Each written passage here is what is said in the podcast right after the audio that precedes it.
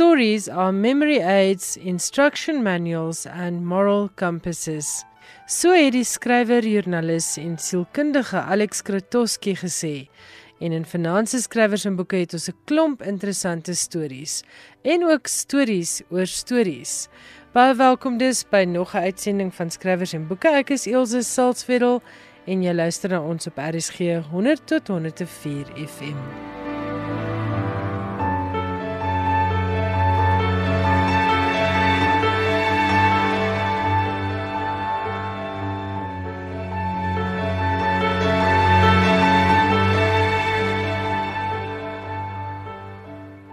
Vandag is die 20ste Maart en dit is die dag wat wêreldwyd aangedui word as Wêreldstorieverteldag. Met ander woorde die dag waarop die kuns van storievertel wêreldwyd gevier word. Die dag se ontstaan kan teruggevoer word na die Sweedse storieverteldag wat die eerste keer in 1991 gevier is. Hoewel die amptelike vieringe na 'n paar jaar uitgestorf het in Swede, het 'n hele paar entoesiaste daarmee volgehou en die idee het ook in 1997 oorgewaai na Australië, Mexiko en ander Latyns-Amerikaanse lande. In 2001 het 'n storievertaal webnetwerk Ratatosk in Skandinawië ontstaan. Ratatosk het vinnig uitgebrei om storievertellers in die hele Skandinawië in te sluit en daarvandaan het die idee van 'n internasionale storieverteldag soos 'n veldbrand versprei. Teen 2005 het storieliefhebbers van 25 lande op 5 kontinente al daaraan deelgeneem. Die idee agter Wêreldstorieverteldag is dat soveel mense wêreldwyd op dieselfde dag stories sal vertel en na stories sal luister. Vanjaar is die tema mites en legendes. En al is die dag nou al amper amptelik verby, is dit nog nie te laat om 'n storie te vertel of na 'n mooi storie te luister nie. Soos die skrywer Jimmy Neil Smith tereg gesê het, ons is almal storievertellers. Ons almal leef in 'n netwerk van stories en daar is nie 'n sterker band tussen mense as die stories wat ons vertel nie.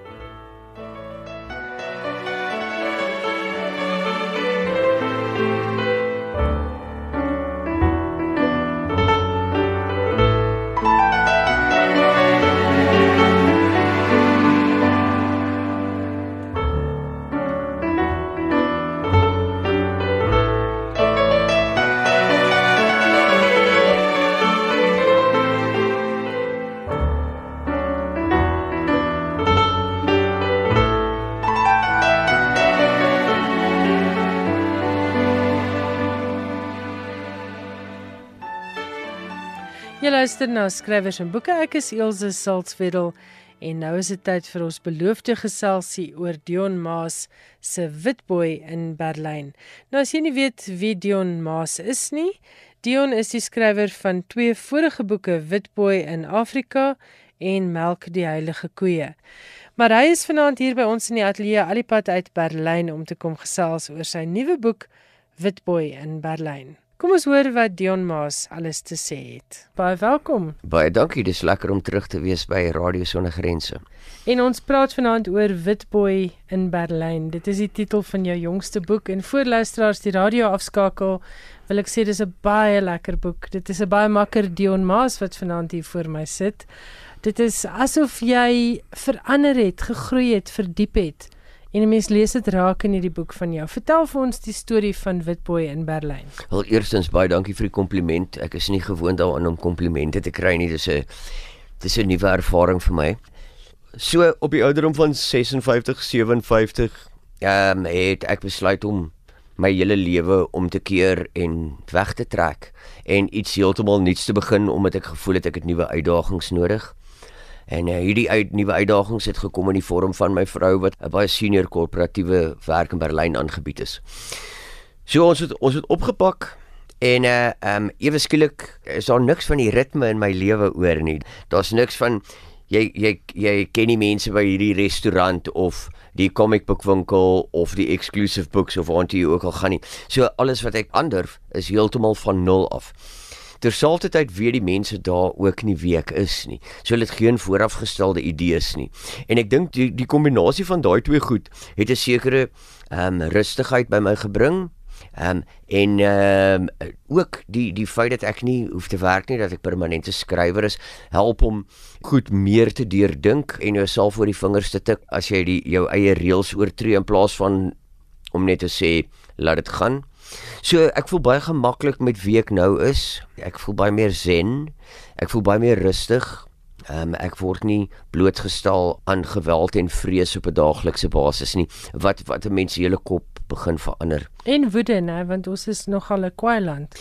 Ja, weet jy wat ek het dit uh, gistermiddag en um, weer ervaar gisteraand wat die die mense, jy weet, die vuiste swaai in die kar ehm um, uh, vir mekaar um, sonder veel rede. En Suid-Afrika is 'n land wat ly aan aan aan 'n post-traumatic stress sindroom. Ek ek dink elke enkele persoon in hierdie land, baie van die mense se se reaksies is gebaseer op vrees. En dit vat baie keer dat jy buitekant toe gaan of uh, um, die ding van 'n afstand af sien om presies te sien hoe ingekruip ons is want want wat gebeur is mense dink op 'n baie hulle hulle in 'n dinkende sirkel So en hierdie sirkeltjie raak kleiner en kleiner en dan tot op die ou einde is dit voel dit vir my half asof daar nie kontak met realiteit meer is nie. En die oomblik as jy weg staan en en dit presies begin sien vir wat dit is, dan kom jy agter hoe gewelddadig en hoe baie woede in hierdie land is.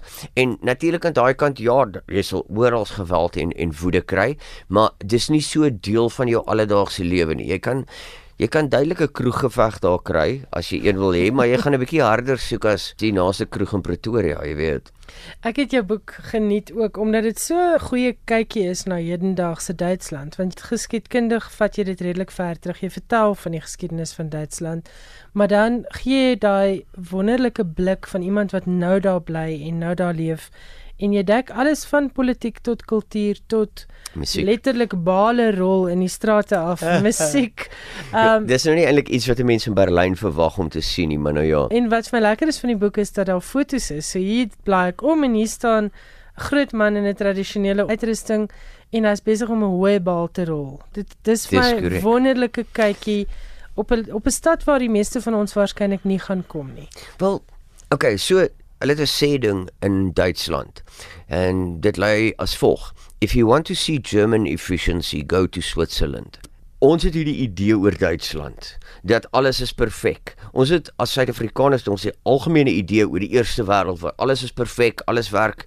Daar's geen korrupsie nie, daar's geen misdaad nie en dit is nie so nie. En Duitsland is beslis 'n produk van sy eie hype. Uh, jy weet die hele konsep van uh Duitse presisie, dit bestaan nie eintlik nie. Jy weet uh, of nie meer nie, dalk het dit bestaan. Wel, ek dink dat 'n groot deel van Duitse presisie bestaan uit die feit dat die Duitsers aanhou om vir jou te vertel hoe reg hulle is totdat jy totdat jy op die ou einde toegee en sê, "Okay, alright, alright, jy's reg." En dan sê hulle maar ek jy mos gesê ek's reg, jy weet.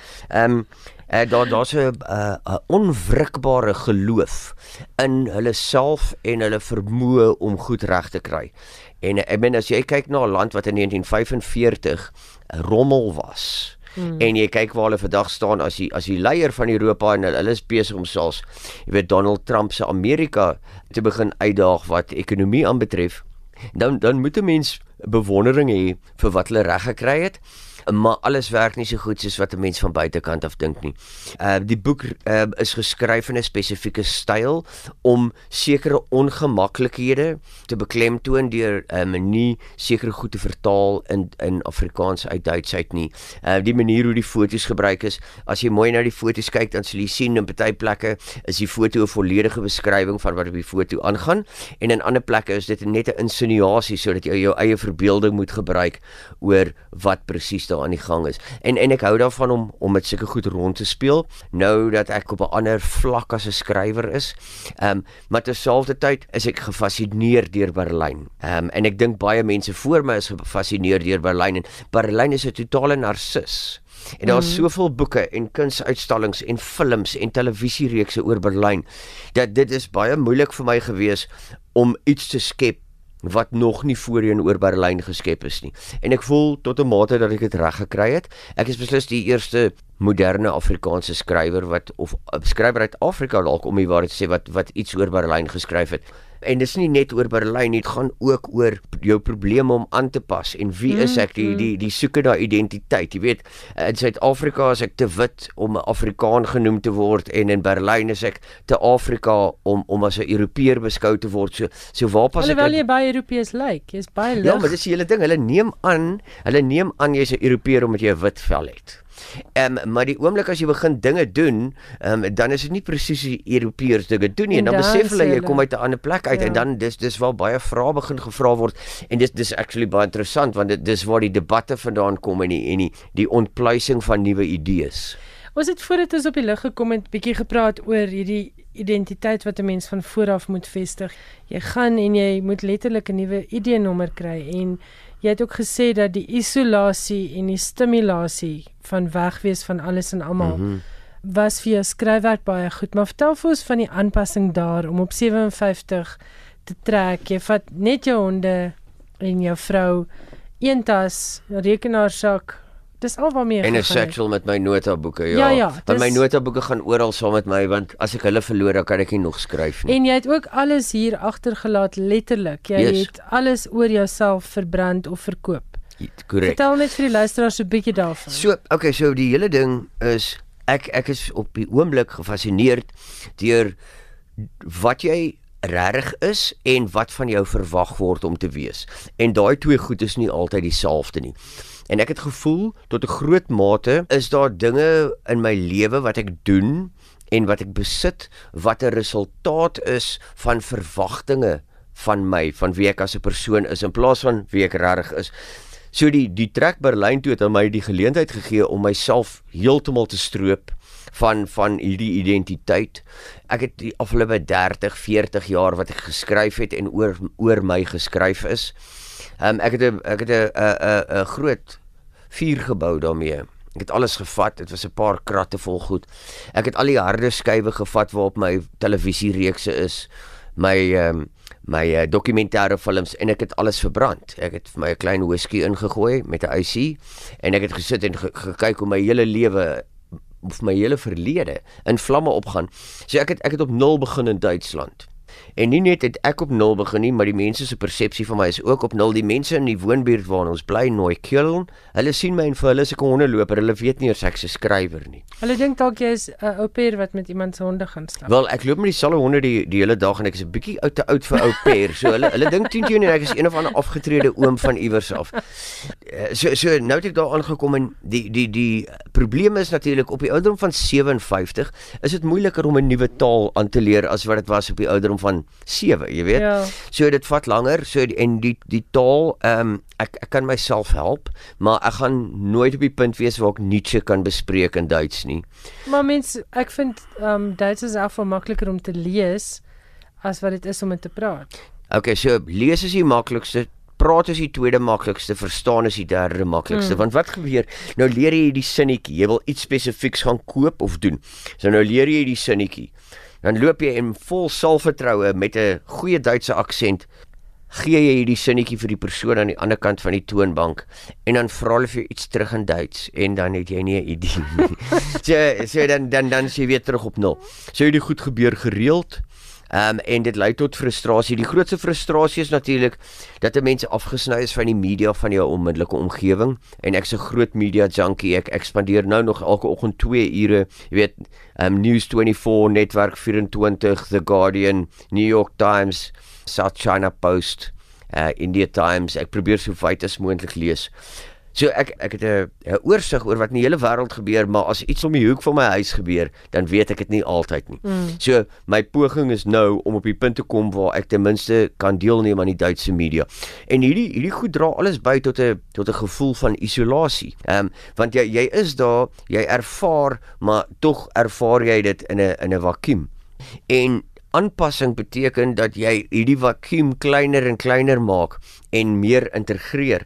Maar terselfdertyd wil ek nie 'n Duitser word nie want ek is nooit ek snie Duitser nie en ek sal nooit een wees nie. So mens moet ook sekere elemente van jou Afrika identiteit moet jy behou terwyl jy aanpas by hulle. As jy nou pas die radio aangeskakel het en jy wonder waarna luister jy, hierdie is skrywers en boeke. Ek is Elsje Salzveld en ek is in gesprek met Dion Maas, alipad uit Berlyn. Ons gesels oor sy boek Witboy in Berlyn. In jou skrywerskap, hoe is dit nou vir jou om voltyds net op skryf te kan fokus? Behalwe nou vir die hondelopery en jy die is ook die, jy's hondelopery- die huisman, jy gaan doen die inkopies en sulke goeders. Ek het die okay, so die hondelopery Ek ek geniet dit baie. Ek is fikser as ooit voorheen in my lewe. Ek het my boepie verloor. Ek loop party daar tot 18 km ver. Sjoe. Ehm um, so en ek gebruik daai tyd by die hondeloop om te beplan hoe ek wil skryf deur die loop van die dag. Ehm um, so dis my 'n baie gemaklike situasie om in te wees. Ek wou nog my hele lewe lank 'n skrywer gewees het van die ouderdom van 6 af. En daar's altyd die kommersiële oorwegings as jy wil wil permanent skryf, jy weet of of jy skryf vir 'n koerant of 'n tydskrif en jy moet baie spe spesifieke goed skryf. Die baas sê vir jou wat jy moet skryf en is 1500 woorde en en Ek met jou meningstemper, jy kan nie skryf net wat jy wil nie. korrek Mm. En jy weet om my mening te temper is is, nogal is baie 'n tall moeilik order. vir my. so so die die hele ding is nou ek is nou in 'n situasie waar ek permanent kan skryf op die ouderdom van 57 het ek my lewe so bymekaar gekom dat ek kan kan skryf voltyds en dis dis baie nice en um, ek ek dink 'n mens kan dit sien in die produk wat ek skep, die boeke wat ek skryf. Ek is al reeds besig met 'n volgende boek en met een daarna. So ewe skielik is hierdie produktiwiteit word nie meer gekortwiek deur realiteit nie. Ehm um, ek kan net skryf en skryf en skryf en as ek vanaand tot 2 uur wil skryf, dan skryf ek tot 2 uur en die honde word 'n bietjie later môre geloop, mm. maar daai skryf is uit. En as ek vandag nie wil skryf nie, maar ek wil na die kunsgalerye toe gaan of na die Duitse Geskiedenismuseum wat 'n fenominale ervaring is, dan kan ek dit ook doen. So ek gaan uit en ek kry stimulasie en ek het tyd om te dink en dit maak alles makliker. Nou, as jy sê jy skryf nou 'n tweede en 'n derde boek, is dit weer nie fiksie of is hierdie tyd in Duitsland vir jou so goed dat jy dalk jou hand aan um, aan fiksie gaan waag? Ilse die vraag laat dit klink asof fiksieskrywers ver, verhewe is bo nie fiksieskrywers en dis vir my Nee, hulle is glad nie. Ek vra net omdat ons het jou leer ken as 'n joernalis, as 'n meningsvormer, as 'n rubriekskrywer. Ek sou graag vir Dion Maas in aksie wil sien met fiksie. Okay, so ek het nog altyd gevoel dat daar geen rede is om fiksie te skryf nie, want daar's soveel goeie stories in die wêreld wat die waarheid is dat dit baie makliker is om dit te skryf. Dis ook waar. Maar ek het begin die ek het ek is besig om 'n raamwerk te skep vir vir 'n fiksieboek. Hmm. Of hy gaan materialiseer, is ek nog nie heeltemal seker nie. Maar ek sal sien want dit is ook dit is um, ek omdat ek nou um, meer vryheid het as skrywer, is dit makliker vir my um, om te eksperimenteer en um, nuwe goed te probeer. Ek hoef nie nou volgens 'n formule te skryf nie. Ek hoef nie te skryf wat van my verwag word nie tussen aanhalingstekens. Ek is vry om te skep en te skryf wat ek wil hmm. omdat daar nie verwagtinge is nie. Ehm um, dit beteken dat dat ek kan my ek kan goed probeer ek is besig om 'n toneelstuk te skryf wat ek hoop ehm um, iewers op die planke gaan wees. Ek is besig om te werk aan 'n grafiese novelle ehm um, saam met 'n illustreerder. Maar hierdie goed is alles nog in baie eksperimentele fase. Ehm um, maar dis alles goed wat ek nou die geleentheid het om as skrywer te explore. Goed. Dion, die lekkerste deel van in Duitsland wees en die dinge wat jy mis. Vertel vir ons daarvan. Okay. Wat vir my lekker is, is die feit dat ek 24 ure 'n dag toegang tot bier het. So, vir die wat gewonder het hoe kalm is Dion Maas, daar's vir Nee, ek julle. drink nie voormiddagete nie. Ehm um, so uh, Maar die maar die interessante van jou boek wat ek werklik interessant gevind het, is dat jy op die straathoek by die by die spete, né? by die spetie ja. kan ja. jy 'n bier koop en jy kan Wel, jy hom kan- net daar drink of jy kan hom loop en drink. Yes. Daar's nie byvoorbeeld kan- beperking op so iets Jy kan Jägermeister ook dr- by die spetie koop, jy kan whisky koop. Jy kan enige drank koop en hy's 24 ure 'n dag oop. Ehm um, jy kan enige plek in die openbaar drink. Jy kan in die parkies drink, op die sypaadjie. Dis nie wettig om op die trein te drink nie, maar almal doen dit. Tog sien jy baie min dronk mense. Dis interessant. Ehm um, want as jy mense verantwoordelik maak vir hulle eie gedrag, dan dan gaan hulle anders begin begin ehm um, optree. So dis vir my baie lekker. Ek uh, ons bly in 'n uh, hoofsaaklik immigrante woonbuurt. Ehm um, daar's mense van 160 verskillende lande wat in Nooikiln bly. Ehm um, so die uh, die keuse van kos is fenomenaal. jy kan daar's letterlik daar's 'n Serviese restaurant, daar's 'n uh, restaurant van wat spesialiseer in kos uit Oezbekistan uit. Hier's ons 'n Turkse restaurant, hier's ons 'n Lebanese restaurant. Dis en dit is fenomenaal. Wat ek mis, dis vir my baie moeilik om dit te, te bepaal want ek ek is nie eintlik 'n biltong en bladjang tipe van ou nie. So ek het nou gedink daaroor want meer as een mens het dit al vir my gevra en die antwoord is ek mis dit om in my eie tuin te piepie. ja, en dis weer 'n tipiese Dion Maas antwoord. Ek het eintlik glo ek het eintlik glo vir Afrikaanse mans wat nie in die, hulle eie tuin piepie nie. Ek dink dit is totaal underrated en dat dit dit deel is van die proses van man wees om in die eie tuin te piepie. Ek het nou meer gehoop vir iets verhewe soos ek mis Afrikaans. Ek mis woorde soos bedagsaam of sweets want hy het iets te sê gehad ek nie, ek dink nie dat ehm uh, ek is Afrikaans gebore, ek het Afrikaans groot geword. Maar ek het ook baie gereis in my lewe. So ek is al gewoond daaraan om in plekke en situasies te wees, en um, waar ek nie toegang het tot my tot al my gemak gemaklik hier ja, nie. Ja. Jy weet ek het ek het vir 10 jaar lank in Nigerië gewerk. Ehm um, ek het in New York gewerk en al hierdie plekke het het een ding gemeen en dit, dit vat jou weg van die huis af. So ek mis hierdie goed, maar dis nie asof dit my dit my breek nie. Want jy bly in kontak via die internet met ja, Afrikaanse koerante, Litnet, wat ook al. Ek lees die Afrikaanse koerante elke oggend. Ek luister na RSG online, uh veral op maandag aande. Ehm um, wat nog altyd my gunsteling tyd is. Ek mis RSG. Ek mis daai program wat ek op maandag aande gedoen het want dit was so deel van van my persoonlikheid en en wie ek was en en ek het soveel vryheid gehad danksy Magdalene om te doen presies wat ek wou en en ek ek mis sulke goed maar maar ek mis dit nie genoeg om te sê ooh ek wil huis toe kom of ek huil daaroor of ek is jy weet eh, eh, ek is in 'n depressie nie want wat ek ervaar is dis anders maar dis ook nuut Dion jy het nou in Duitsland in Berlyn toegang tot die wêreld letterlik musiek van die hele wye wêreld boeke van die hele wye wêreld Wat lees jy? Het jou leespatroon verander want ek daar's 'n hoofstuk waarin jy praat oor jou besoeke aan die boekwinkels en die tydskrifwinkels. My my my boekwinkelbesoeke is soos 'n maandelikse ritueel, soos ander mense op op Sondag kerk toe gaan. Dit het ek een keer 'n maand 'n dag wat ek op sy sit. En dit raak hierdie hele dit dit raak nou hierdie hele avontuur want jy weet, ek vang die bus, dan gaan ek na hierdie plek toe en by daai plek is daar ehm um, langs daai boekwinkel is daar 'n plek wat uh, wat uh, lekker sjokoladekoek verkoop en langs daai boekwinkel kan ek my my sushi vir middagete kry of my doemoer ehm um, of my kofte of daai tipe mm. van goed. So dit dit dit het nou 'n dag van vieringe geword amper. Dis soos van my my en die die boeke waartoe ek toegang het is is baie nice want eerstens in Europa is boeke baie goedkoop. Jy koop 'n nuwe boek vir 11 euro wat uh, eh, 160 rand is. En uh, jy koop baie uh, van hierdie um, uitgewers se overstok vir tussen 3.50 euro en 5.50 euro. Dan is dit nuwe boeke. So ek is besig om baie van my my ou gunsteling boeke te herlees. Um, Nick Cave When the Ass Saw the Angel. Um, ek is besig om 'n uh, uh, versameling van Jan Rabie se koerantrubrieke te lees van die van die vroeë 60er jare um, wat 'n baie moeilike boek is om aan, uh, in die hande te kry. Iemand het dit vir my saamgebring om die waarheid sê. Hulle het gesê, "Jy dink jy het moeilikheid gemaak. Kyk wat het Jan Rabie in die 60's gedoen, jy weet." So, terselfdertyd as ek omdat ek in 'n nuwe plek is, besig om verskriklik baie te lees oor Duitsland, sy geskiedenis, sy popkultuur, Berlyn. So ek die afgelope 24 maande het ek seker 'n goeie 30, 40 boeke gelees net oor Duitsland en Berlyn wat ook gedien het as die navorsing vir die boek. Want want is weird, jy weet ek gaan na die na die uh, geskiedenismuseum toe en dan is daar 'n prentjie van iemand op die muur, maar ek weet nie wie die ou is nie. Mm. Jy weet in Suid-Afrika, ek in Johannesburg, Suid-Afrika, ek ken nie die geskiedenis. Ek het dit ek het dit gestudeer um, en nagevors en geleef. Natuurlik. Mm. En en nou moet ek ewe skielik moet moet ek hierdie ou se naam gaan Google. O, hy het hierdie clan gelei in hierdie deel van Duitsland tussen 1452 en 1502 of wat ook al, jy weet.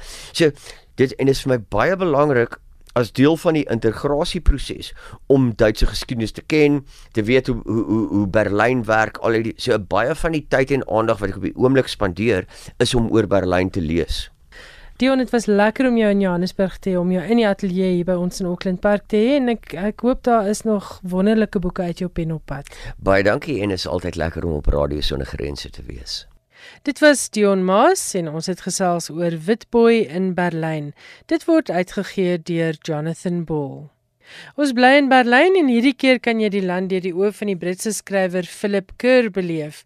Twee van Kerr se drie sogenaamde Berlyn Noir romans het onlangs in Afrikaans verskyn en toevallig ook by Jonathan Bull Uitgewers.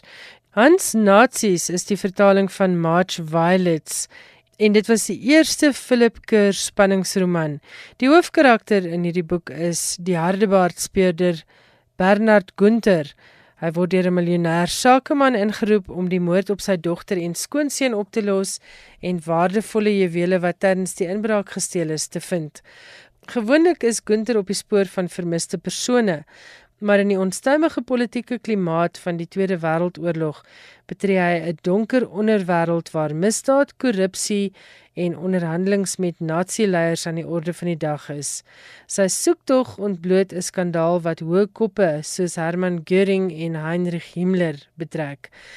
In Hans Nazis gaan jy kan lees oor smedige nagklubs, smeelende filmsterre, oorvol lijkshuise en onder onsies met die Gestapo wat uiteindelik lei tot hierdie skokkende onthulling. Die roman speel af in Nazi-Duitsland, 'n milieu wat keur met vernuf skets. Dion Meyer het Hans Nazis beskryf as 'n kragtoer. Hy sê Bernard Gunther is pure speurplesier. En Karen Breinhardt het ook daaroor geskryf: slim, skerp, spannend en super snaaks. Dit dan Hans Nazis die vertaling van March Violets en dan meer onlangs het The Pale Criminal in Afrikaans verskyn as Doodsbleek. Dit speel af in 1938 terwyl Duitsland angstig wag op die bevindinge van die München konferensie. Onsekerheid hang in die lug want Hitler kan Europa dalk in oorlog dompel. Vir Bernard Gunther is daar egter belangriker sake wat aandag verg.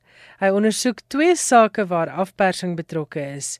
Die een betrek 'n ryk weduwee en die ander een betrek Bernard self. Terselfdertyd het dit op die lappe gekom dat die Kripo of die Berlynse misdaadpolisie 'n onskuldige Jood gearresteer het vir 'n reeks wrede moorde in die stad. En hoewel die Kripo die keer alles sal doen om die regte moordenaar vas te trek, is hulle weer eens nie verhewe bo afpersing en manipulasie nie. En omdat Bernie onlangs aangestel is as kripo-kommissaar, moet hy die raaisel oplos. 'n Ondersoek wat hom uiteindelik aan die heel donkerste kant van die menslike siege blootstel. Hans Nazis en doodsbleek deur Philip Kerr in Afrikaans uitgegee deur Jonathan Ball. Skrywers en boeke elke woensdag aand tussen 8 en 9. En op Wêreld Storie Verteldag is dit gepas om te kyk na 'n paar oulike kinderboeke wat onlangs op my lesenaar beland het.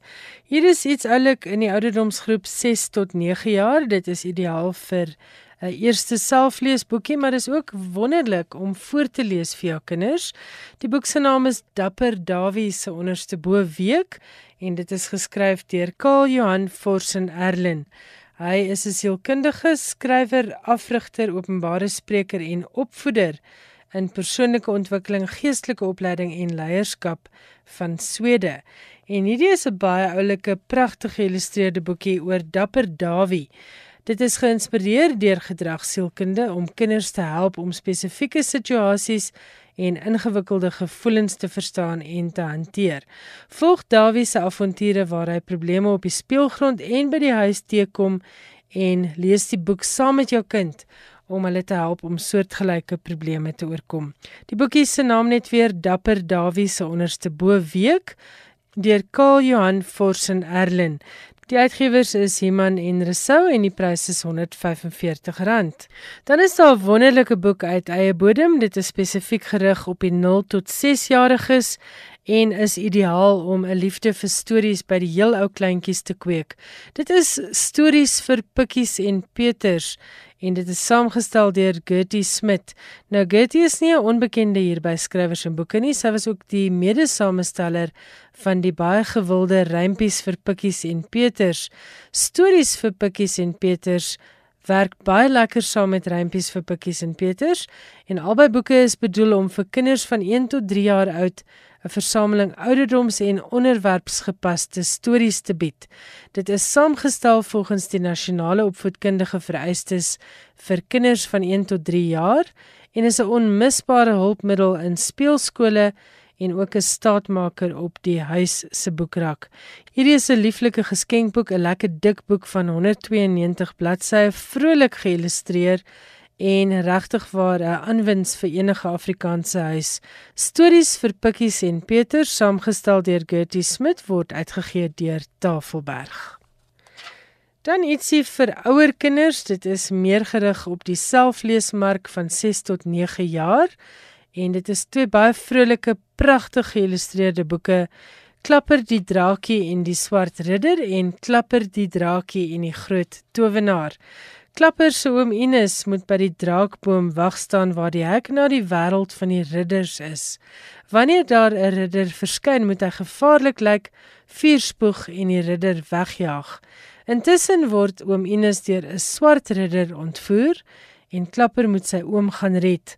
Hy ontmoet die eerbare ridder Karel en saam bedink hulle 'n plan wat in beide se guns sal tel.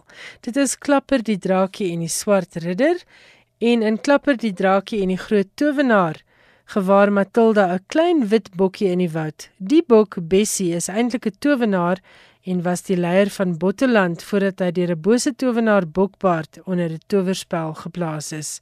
Klapper en Matilda wil vir Bessie help en besluit om na Botteland en die towerkasteel te gaan. Klapper bedink 'n plan en so verander Bessie weer in 'n towenaar en Bokbaard in 'n klein varkie. Dit is Klapper die draakie en die groot towenaar en Klapper die draakie en die swart ridder. Albei hierdie boeke is gerig op lesertjies van so 6 tot 9 jaar. Dit kos R130 elk en albei is 72 bladsye dik. En dan iets vir ouer lesers, dit is nog 'n memoir, hierdie keer uit die pen van Martie Prinsloo Vogt en die boek se titel is 'n leeftyd later herinneringe aan Angola. Martie Vogt is 'n nooi prinsloo wat in 1931 in Suid-Afrika gebore is, die vierde van 6 kinders. Haar verhaal is 'n groot avontuur. Martie word groot in die wye en ongetemde vlaktes van Angola. Hier trek die prinsloo gesin taamlik baie rond agter goeie veiding en gesonder toestande aan. Die lewe in ongerepte Angola het ook sy gevare en Martie beleef groot hartseer toe haar suster op 19 sterf aan malaria. Nadat Martie trou met Karl Wilhelm Vogt en hulle hulle vestig op haar skoonouers se koffieplaas, begin die onheil in Angola roer. Ongelukkig breek daar toe 'n oorlog uit en die Vogts moet hulle plaas in Angola net so los. Hulle speel 'n groot rol daarin om vlugtelinge uit Angola te versorg. Martie Vogt het daarin geslaag om hierdie ongelooflike herinneringe aan hierdie historiese en persoonlike gebeurtenisse op so 'n manier te beskryf dat dit glashelder voor 'n mens se geestesoog afspeel. Dis 'n wonderlike lewensverhaal uit die pen van 'n baie sterk en intelligente vrou. Dit is 'n leeftyd later herinneringe aan Angola uit die pen van Martie Prinsloo Vogt en dit word uitgegee deur Protea Boekhuis. As jy sukkel om dit in die hande te kry, gaan kyk gerus ook op hulle webwerf. Dit is www.proteaboekhuis.com. Skrywers en boeke. Alles wat jy oor die boekewêreld wil weet en meer. Ons sluit die program Oudergewoonte af met Johan Meiburg se internasionale insetsel. Johan, baie welkom en jy skop vanaand af met nuus oor die Man Booker Prys. Die lang lys vir vanjaar se Man Booker International, die laaste keer dat die Man groep se naam gekoppel word aan die prys vir vertaalde werk, is pas bekend gemaak. Van volgende jaar staan die prys net bekend as die International Booker Prys. Die Man groep het vroeër sy steun aan die Booker Stichting beëindig. Die Man Booker International is die vertaalprys met 'n prysgeld van sowat 1 miljoen rand wat gelykop verdeel word tussen die skrywer en die vertaler. Daar is 13 boeke op die langlys en volgens Bethany Hughes, saamroeper van die prys, dui die oes van jaar op 'n groep boeke en ek haal aan waarin die argief persoonlik en polities behoorlik geplunder word om in die proses te wys waartoe prosa in staat is en hoe dit ons lewens kan verruim. Net twee van die boeke op die langlys is deur Hoofstroom Uitgewers uitgegee. Die ander 11 is uitgegee deur klein onafhanklike uitgewers. Verlede jaar se wenner, Flights van die Poolse skrywer Olga Tokarczuk, vertaal deur Jennifer Croft, is uitgegee deur die onafhanklike uitgewer Fitzcarraldo en die boek is tans in sy 10de uitgawe. Verkoop het na die aankondiging van die prys met 692% toegeneem. Verlede week het Nielsen, die boekverkope monitor, gesê verkope van vertaalde boeke is tans die hoogste wat dit was sedert Nielsen in 2001 begin het om rekening te hou van die segment. Die kortlys word op 9 April aangekondig en die wenner op 21 Mei. Wanneer die kortlys aangekondig word, kan ons na die lys in 'n bietjie meer besonderhede kyk. En dan het jy nuus oor 'n baie besonderse boek uit die pen of moet ons sê uit die pen en die kwas van die sangeres Joni Mitchell. Soos Bob Dylan is Joni Mitchell eerder bekend as sanger as digter.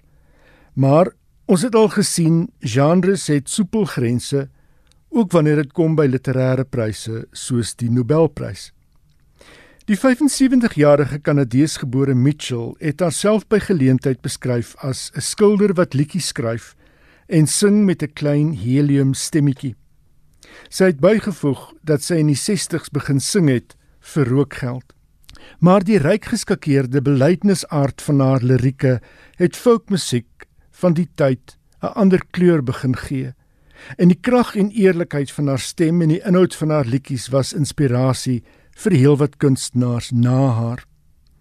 In 1997 het sy Journey Mitchell The Complete Poems and Lyrics uitgegee.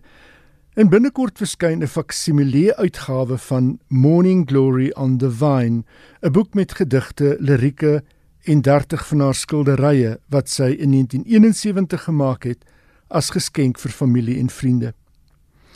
Sy het net meer as 100 handgemaakte eksemplare van Morning Glory on the Vine gemaak en die bestaan van die boeke was uiteraard nie wyd bekend nie. Nou het Canongate in Brittanje en Houghton Mifflin Harcourt in die FSA besluit om 'n oplaag van die boek uit te gee met 'n voorwoord deur Mitchell en nog waterverfskilderye. Die boek verskyn in Oktober. Canongate het verlede jaar ook The Flame uitgegee, die laaste gerfgedigte van Leonard Cohen wat in New York Times topverkoper was. Hier is 'n deel uit 'n CBC onderhoud wat John Gomeshi in 2013 met Joni Mitchell gevoer het. Can you pinpoint a time whether it was writing a song or playing a gig or something when you realized that this was this was going to be a career for you? This this had there was real, no such had real time. potential. No, there wasn't. You know, as David said, Joan, you're the only person I know, you know, who doesn't want to be famous. I really didn't. I wrote a poem about Which it. David Crosby? Geffen. Geffen. You know, I thought fame was was going to be a horrible experience, which until you get used to it, it is. You know, you just have to deal with an incredible amount of stupidity because this place is mentally ill with celebrities. So you have to you have to see a lot of mental illness, you know, coming at you. Hmm. You know, like and you go, oh my god, this culture is so sick. I'll tell you what. At 16, you, this will give you an idea. I'm not a kid that played air guitar in the bedroom and go, oh, I'm going to be rich and famous and all of that. Right. I felt sorry for stars. You know, Sandra Dee was all over the, the, the local magazines with her mascara running down. The paparazzi were on them. She was breaking up with her husband. It was misery. I thought, oh, the poor woman. What if they did that to me in the school newspaper? You know, that's what empathy is. You, you know, you can identify, Yes. with, you, know, with what you think is so big over there with what is, you know, you can identify. So I, I had to write, I had to write in blank verse on assignment, and I was getting my hair done for some beauty contest at the hair school by amateurs, and there were these stacks of these magazines with Sandra Dee crying on the cover, and so I wrote this poem called "The Fishbowl" about Hollywood before I ever was here, you know. The fishbowl is a world reverse with where fishermen with hooks that dangle from the bottom up reel down their catch without a fight on gilded bait. Pike, pickerel, bass, the common fish ogle through distorting glass. See only glitter, glamour, gaiety, fog up the bowl with lusty breath, lunge towards the bait and miss, and weep for fortunes lost. Envy the goldfish? Why? His bubbles breaking round the rim while silly fishes faint for him and say, Oh my God, I think he winked at me. so you see. When did you write that? When I was 16. Wow. So before I went to art school, before I got into this game, you know, so I'm not entering the game in a normal way. Dit was die stem van die sangeres Joni Mitchell. En ja, en dan sluit ons af met nuus oor 'n literêre prys. Die wenner van die Dinane Debuutprys, voorheen bekend as die Europese Unie Literêre Prys, is onlangs aangekondig. Die Zambiese skrywer Mubanga Kalima Mukwentu het die kontantprys van R35000 verower met haar boek The Morning Bird, uitgegee deur Yakana. The Morning Bird speel af in Lusaka van die 1990s en verken volgens die uitgewer Zambië as paradoks.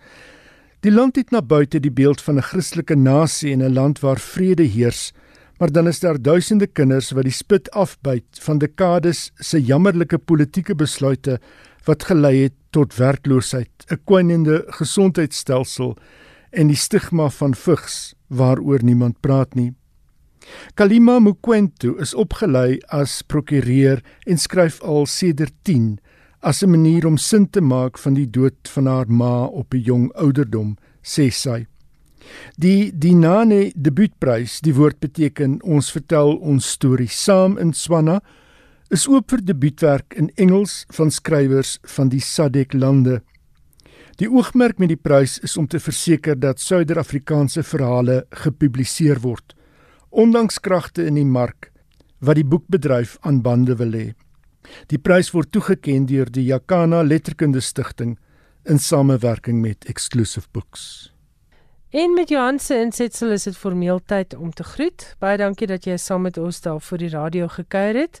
My naam is Elsje Salzwetel en volgende Woensdag aand om 8:00 is ek terug met nog 'n uitsending van skrywers en boeke en dan gesels ek onder meer met die skrywer Zykes Mda. My e-posadres is skrywersenboeke@rsg.co.za. Tot ons weer gesels. Totsiens.